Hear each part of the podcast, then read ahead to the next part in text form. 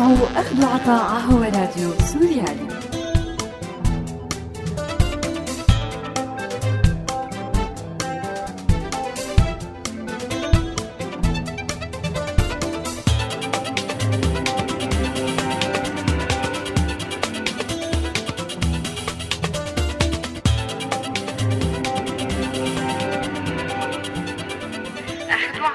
أعزائي المستمعين أهلا وسهلا فيكم. برحب فيكم أنا مايا بحلقة جديدة من برنامج أخذ وعطاء. وبذكركم أنه هذا البرنامج بالتعاون مع مبادرة كلنا مواطنون أخذ وعطاء. بكل بيت في إطار الصورة فيه مانا ثابتة. بتتغير ومعها منضحك وأحيانا بنبكي وكتير أوقات بنغضب أو بخيب أملنا. وكمان كتير أوقات بيتغير معها أسلوب استهلاكنا. وبينضاف لأذواقنا بالأكل والشرب واللبس والحياة أدوات ومواد وطرق ما كنا منعرفها من قبل. عم نحكي عن التلفزيون. تعتبر بريطانيا هي أول من دشن خدمة البث التلفزيوني المنتظم بعام 1936 من خلال هيئة الإذاعة البريطانية بي بي سي اللي تعتبر أيضا أولى مؤسسات التلفزة اللي قدمت التصوير والبث الحي من خارج الاستديوهات المغلقة. بالثلاثينات من القرن العشرين دخل التلفزيون لأغلب الدول مثل فرنسا وألمانيا واليابان وروسيا اللي أطلقت سنة 1939 أول محطة إرسال عبر الأقمار الصناعية. أما تجربة الدول العربية بالبث التلفزيوني فكان التلفزيون العراقي هو أول تلفزيون عربي بدأ بثه سنة 1954 بعده كانت تجربة التلفزيون الجزائري سنة 1956 وبعده المصري سنة 1959 وشهد التلفزيون السوري أول انطلاقة بث تلفزيوني بيوم 23 تموز عام 1960 بأيام الوحدة بين سوريا ومصر. لا شك أن التلفزيون اللي بيوصل القنوات التلفزيونية المختلفة له حضور واضح بحياتنا كلنا ولو بدرجات متفاوتة. هاي الأداة الإعلامية اللي تعتبر من أقدر الأدوات تأثيرا على المتابع. كيف عم يتم استغلالها للتأثير بالرأي العام وكيف عم نتعامل معها؟ خلونا أول شيء نسمع هذا الاستطلاع. لما بتشوفي مشهد دموي أو عنيف بالتلفزيون بالأخبار أو الدراما شو أول شيء بيخطر ببالك؟ الصراحة غير القناة. صار لي زمان كثير ما عاد تابعت الأخبار وتابعت الإشي الدموي حتى يعني على قنوات التواصل الاجتماعي كمان بطلتها كلياتها. بس لما بالصدفة بيصير هذا الشيء فالصراحه أول شيء بيخطر بالي إني غير لأنه يعني صراحة كثير صار بيأثر فيني بشكل سلبي. الناس اللي عم تتألم من وراء الشيء الدموي اللي عم يصير بالبلد. كم ساعة بتشوفي تلفزيون وكيف بتنقي المحطات اللي بتتابعيها؟ أم هلا ما كتير بتابع تلفزيون لأنه كتير مشغولة كتير عندي شغل بس أم لما بصير عندي وقت فهو غالبا بكون عم بحضر أفلام أو National Geographic الصراحة فهو يعني اشياء documentary وثائقية. ثلاث ساعات وبنتقل المحطات عن طريق الأخبار المهمة حسب الأخبار المهمة اللي عم تنعرض بلاحق الأخبار المهمة. كيف بتاخدي موقف موقفك الخاص من قضية معينة؟ على شو بتعتمدي من قنوات المعلومات أو شو المراحل اللي بتمر فيها؟ بتسمعي خبر أو بتقرأي مقالات أو جرايد أو بتشوفي تلفزيون أو تسمعي راديو؟ أم صراحة كلياتهم يعني أول ما بسمع خبر معين وغالبا عم بيكون عن طريق التواصل الاجتماعي آه، قنوات التواصل الاجتماعي ف فبرجع بعتمد على على الأخبار برجع بعتمد على. شو عم يتناقل عن الموضوع. بحاول أتواصل إذا كان عندي ناس على الأرض إنه يعني أشخاص معارف إنه أفهم الموضوع أكثر هذا فيما لو كان شيء حدث حالي يعني عم بيصير حاليا. أه بنتقل المفضلة والمعروفة. بدور على رأيين بشوف مشهدين. وبقارن بحاول شو أستنتج من المشهدين اللي شفتهم. وبنتقل الخبر التلفزيون نت يوتيوب جزيرة بي بي سي. عربية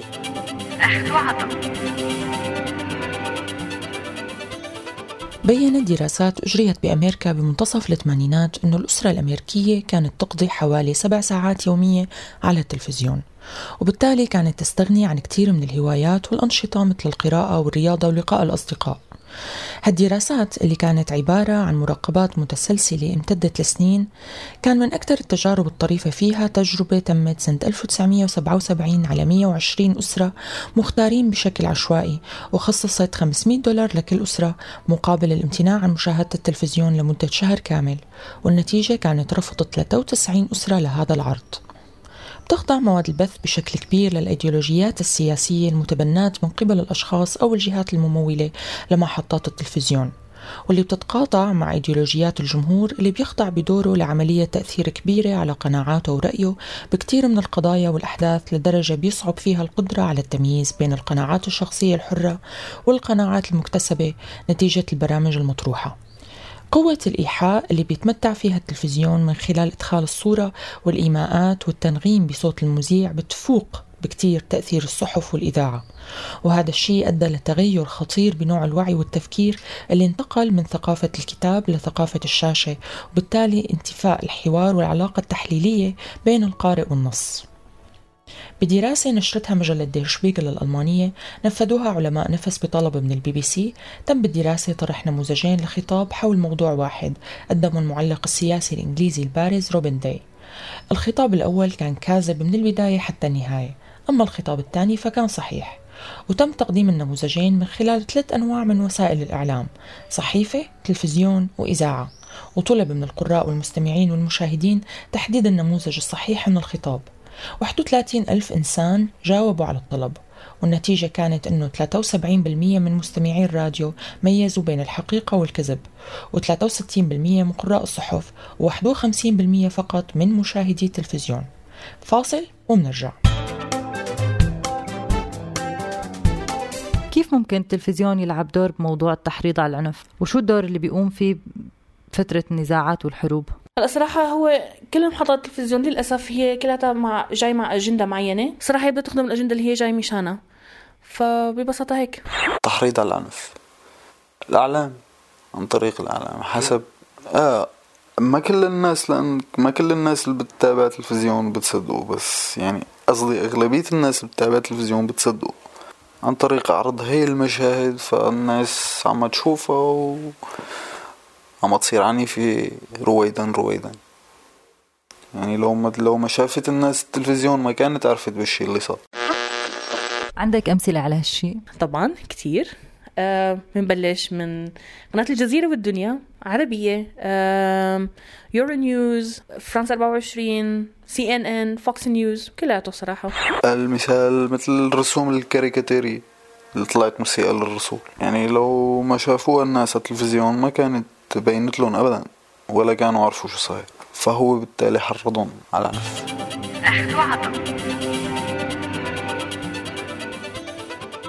تعتبر حقبة الخمسينات بمثابة العصر الذهبي للتلفزيون وكانت وقتها المنافسة حامية بين شركات التلفزة الأمريكية NBC و CBS و ABC وتم بالبداية بهي الحقبة أول استخدام للتلفزيون لهدف سياسي. وقامت شركة سي بي إس بتغطية حملات الانتخابات الرئاسية الأمريكية لعام 1952 وكان للتلفزيون دوره بترجيح كفة جون كينيدي على منافسه ريتشارد نيكسون. ومع الوقت صار التلفزيون سبب لتغيرات جذرية بوسائل الإعلام السياسي للمجتمع والقادرة على إقناع الجماهير والتأثير عليهم لدرجة تجاوزت تأثير أي وسيلة إعلامية وعلمية تانية. وبتعتمد سياسة التلفزيون الثقافية بالعموم على أسلوب الدعاية والبروباغندا. واللي غالبا ما بتستغل عرض الأحداث المثيرة وغير العادية بهدف تشويه صورة الواقع والتوجه للغرائز والرغبات الخفية والمكبوتة وغير السليمة الموجودة باللاوعي عند الناس. وكتير ما بيركزوا مصممي الدعاية والبرامج وبيصروا على العرض المتكرر للموت متأثرين بالمدرسة الفرويدية اللي بتقول إنه مشهد الموت بيهيج انتباه المشاهد واهتمامه أكثر من أي شيء تاني ومتمسكين بالرأي اللي بيقول الموت هو قيمة لا شك فيها لأن الإنسان يعرف بكل سرور أن أحدا ما قد توفي في الوقت الذي ما زال هو فيه حيا. كثير من الأمثلة ممكن نحكي عنها بتبين أولوية مشاهد العنف والقتل والدمار على أي قيمة أو فكرة بتتناولها البرامج التلفزيونية. بالأول من أيار عام 1998 تم بأمريكا قطع عرض برامج الأطفال ليبث على الهواء مباشرة انتحار شخص بشارع بلوس أنجلوس. تم بعدين معرفة أنه مصاب بالإيدز. وكان العرض المسرحي اللي قام فيه المنتحر فظيع جدا على البالغين. فكيف بالنسبة للأطفال اللي تم البث بالوقت المخصص لهم؟ وعلى سبيل المثال صارت الصومال ومأساة المجاعة فيها أهم حقل رمي للتلفزيون اللي عمل بشكل غير مباشر ولكن بفعالية على غرس قيم سيئة بوعي المواطن بتتمثل بفكرة أن القبائل الإفريقية وإن كانت بتشبه البشر إلا أنها من نوع فرعي دوني وعاجز. وقام التلفزيون بشكل دوري بعرض صور الأطفال الصوماليين اللي بيعيشوا بظروف غير إنسانية مصابين بنحول شديد وعلى وشك الموت. وعرضوا لجانبهم صور لأطفال وأشخاص طبيعيين وبحالة صحية جيدة وخدود متوردة. وأحيانا بيتبع العرض المأساوي للأطفال الصوماليين دعاية لمنتجات استهلاكية مثل الشامبو أو سيارة فاخرة بدون ما يثير هذا الموضوع اعتراض أي إنسان أو جهة متبنية لحقوق الإنسان. وبالتالي بيتحقق الهدف هو اعتياد المشاهدين على صورة الأطفال المشرفين على الموت وترسيخ التصور الدوني للمجتمع الإفريقي بأنه فرع بشري من الدرجة الثانية بكفي إرسال الحليب ومواد غذائية لهم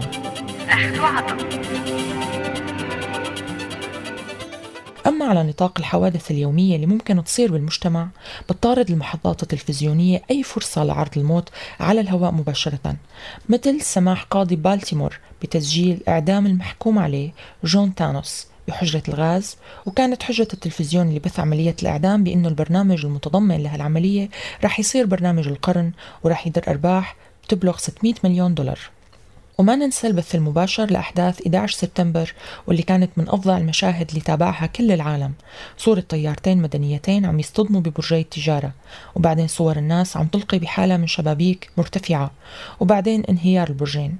وكان هالحدث من أعنف المشاهد بذاكرة المشاهدين واللي تم افتتاح الحرب العالمية على الإرهاب من خلالهم. وكأنه تحول هالمشهد لبطاقات دعوة لحرب عسكرية ونفسية واجتماعية عالمية على ما سمي بالإرهاب العابر للدول. الطرق والأفكار اللي بيتبناها التلفزيون بعرض برامجه ما اقتصر تأثيرها على اللاوعي عند المشاهدين وإنما ترجمت ببعض الأحيان لسلوك واضح نشرت الصحف بلندن قيام طفلين بتحطيم منزل جيرانهم تقليدا منهم لبرنامج ترفيهي للأطفال بيتضمن مسابقة تحطيم بيت مبني بالاستوديو بطريقة فريدة وتم تخصيص جائزة قيمة للفائزين. أما بفالنسيا فقام شخص عمره 20 سنة بارتداء زي سلاحف النينجا وتسلل للبيت المجاور وذبح الزوجين مع طفلتينهم. ذكرت دراسة تمت بأمريكا ببداية الثمانينات أنه 63% من المساجين ارتكبوا جرائمهم تقليدا لأبطال الأفلام التلفزيونية واكتسب 22% منهم تقنية الجريمة من البرامج التلفزيونية. منلاقيكم بعد الفاصل. برأيك لازم يكون في رقابة على البرامج التلفزيونية ولا لا؟ لازم تكون حرة هي؟ لا برأيي لازم تكون حرة. يعني لازم يكون في حرية كتير. يعني حرية حرية مسؤولة بس مش حرية مراقبة. طبعا لازم يكون في رقابة على البرامج التلفزيونية برأيي إنه لازم يكون في رقابة لأنه هذا تلفزيون وفي كتير عالم عم تصدقوا وكتير عالم مندمجة فيه فبأثر فيهم بناحية سلبية. عم تسمعوا أخذ عطاء على راديو سوريالي. التلفزيون هو نوع خاص من وسائل الإعلام. ترافق انتشاره بالغرب بوقت كانت فيه قيمة حرية المعلومة المشغولة من قبل وسائل الإعلام مهمة ومقدسة. بوقتها تدخلت الليبرالية لحماية حرية المعلومة باعتبارها سلعة مثل باقي السلع اللي لازم تكون حرة. وبيتمثل هالشي بأنه كل مستهلك للتلفزيون بيمتلك الحرية الكافية والمضمونة للاستمرار أو التوقف عن متابعة المعلومة أو خبر معين عن طريق الضغط على الزر لتغيير القناة أو إغلاق التلفزيون. وبالتالي القانون الوحيد اللي بيحكم التلفزيون هو قانون العرض والطلب. طبعا هالرأي ما كان متوافق مع رأي أنصار الرقابة الاجتماعية على المنتج الإعلامي والتلفزيوني وكانت الحجج اللي اعتمدوا عليها متمثلة بأنه الجهات اللي عم تطرح هالبرامج هي شركات خاصة وضخمة وبالتالي ما ممكن التعامل مع هي الشركات وكأنها أفراد بيتمتعوا بالحقوق المدنية وبتشملهم الضمانات الدستورية المتعلقة بحرية الكلمة والنشر. لأنها ببساطة شركات خاصة بتهدف بالدرجة الأولى للربح ولإنتاج سلعة السوق وبالتالي لازم تخضع للرقابة اللي بيخضع لها أي منتج للسلع. إحدى الحجج المتعلقة بموضوع الرقابة على التلفزيون بتتعلق بمدى قدرة المستهلك لمنتجات التلفزيون على اتخاذ القرار العقلاني. وإمكانية معرفة العواقب الناتجة عن التعامل واستهلاك المنتج التلفزيوني تماما مثل التعامل مع الأدوية والأغذية وغيرها من المنتجات والسلع اللي بتخضع لرقابة صارمة متعلقة بالنوعية وبمحاذير الاستخدام وغيرها. الدراسات الجادة المنصبة على تأثير منتجات التلفزيون وبعد حوالي 20 سنة من الجهد العلمي المتراكم اعتبرت المنتج التلفزيوني سلعة من نوع المخدر الروحي. بمعنى أنه تأثيره المنوم ممكن يخلي الإنسان يفقد جزء من إرادته بتحديد الساعات اللي بيحتاجها للحصول على المعلومة أو التسلية. وبالتالي بيصير غير قادر على التقدير العقلاني لقيمة المنتج التلفزيوني وخاصة بعد ما يخضع لتأثير المنتج على نفسيته وسلوكه واللي بيؤدي مثل حال المخدرات لاستمراره بمشاهدة منتجات التلفزيون حتى ولو أدرك مدى تأثيرها المهلك عليه. فاصل ومنرجع. عندك أمثلة على ردود أفعال المجتمع على أفكار روج للتلفزيون؟ مثلا المجتمع طالب بإغلاق محطة معينة أو احتاج على إساءة أو مشاهد عنيفة؟ الصراحة ما عندي أمثلة. أه ما في شيء عم يخطر ببالي حاليا. بدراسة تمت بالولايات المتحدة سنة 1996 بين أطفال تراوحت أعمارهم بين 10 و 16 سنة. أعلنوا الأطفال من خلالها أنه قيم مرتبطة بوسائل الإعلام وطالبوا التلفزيون بمعايير أخلاقية أسمى بمخاطبتهم. 82% منهم طالبوا التلفزيون أنه يعلمهم التمييز بين الخير والشر. بمثال آخر بمبادرة أكثر تطورا شكل المجتمع الأمريكي جمعية أمريكا المتحررة من التلفزيون. واللي روجت للامتناع عن مشاهدة التلفزيون من خلال تنظيم أسبوع وطني للمقاطعة التامة للتلفزيون. استجاب إلها عام 1996 4 ملايين مشاهد و36 ألف مدرسة ودعموها محافظين 26 ولاية وخسرت بهالعام أكبر ثلاث شركات تلفزيون مليون ونصف مشاهد. وردا على هالحملة نظمت شركات التلفزيون حملة دعائية مضادة لإغراء الناس بمشاهدة التلفزيون. مستخدمة عبارات سخيفة مثل الحياة قصيرة شاهد التلفزيون أو الأريكة هي أفضل صديق لك ونتيجة للحركات الاجتماعية والرأي العام حول تأثير التلفزيون وسياسته الثقافية المتبعة والمخاطر اللي سببها للمجتمع تحولت الحملات لأخذ شكل قانوني ومؤسساتي خاصة بأوروبا. اللي بدأ فيها الموضوع بقانون بيمنع إدراج الدعايات أثناء عرض الأفلام ذات المستوى الفني الراقي. وتبعها قرار من البرلمان الأوروبي بإلزام قنوات التلفزيون بتخصيص 51% من الوقت لمنتجات مؤلفين أوروبيين. وبالنهاية أقرت مجموعة قوانين بأوروبا الغربية متعلقة بالرقابة وفرض معايير واضحة على شركات التلفزيون. منها إلزام التلفزيون بتقديم معلومة صحيحة وموضوعية وحيادية والفصل الدقيق بين المعلومة والرأي اللي بيعبر عن وجهة نظر القناة. إلزام القنوات التلفزيونية بالتنبه لوجود فوارق بمواقف المجموعات والحركات الاجتماعية عند الحديث عن المشاكل الخلافية بالمجتمع. وتخصيص وقت لكل الأحزاب والكتل البرلمانية لعرض وجهات نظرها بحرية بالقنوات الحكومية. وأخيرا حق المواطنين والمنظمات الاجتماعية والحكومية بالرد على المعلومة غير الصحيحة وحق الحصانة الشخصية لأي إنسان بالنهاية قوة أي قانون ومدى الالتزام بتطبيقه هو رهن الأخلاق السائدة بالمجتمع ومصالح القوى الاجتماعية ومدى قوة نفوذها بالمجتمع مقابل مصالح الشركات الكبرى والمصارف والقوى السياسية وكل الجهات الممولة لقنوات التلفزيون والإعلام عموماً. بنهاية حلقتنا أصدقائي أنا بودعكم على أمل التقي فيكم بحلقة جديدة من أخذ وعطا لا تنسوا تتابعونا على موقعنا سوريالي dot com وارشيفنا دائما بتلاقوه على ال SoundCloud ولفوا علينا FM من هون للأسبوع الجاي كونوا بخير.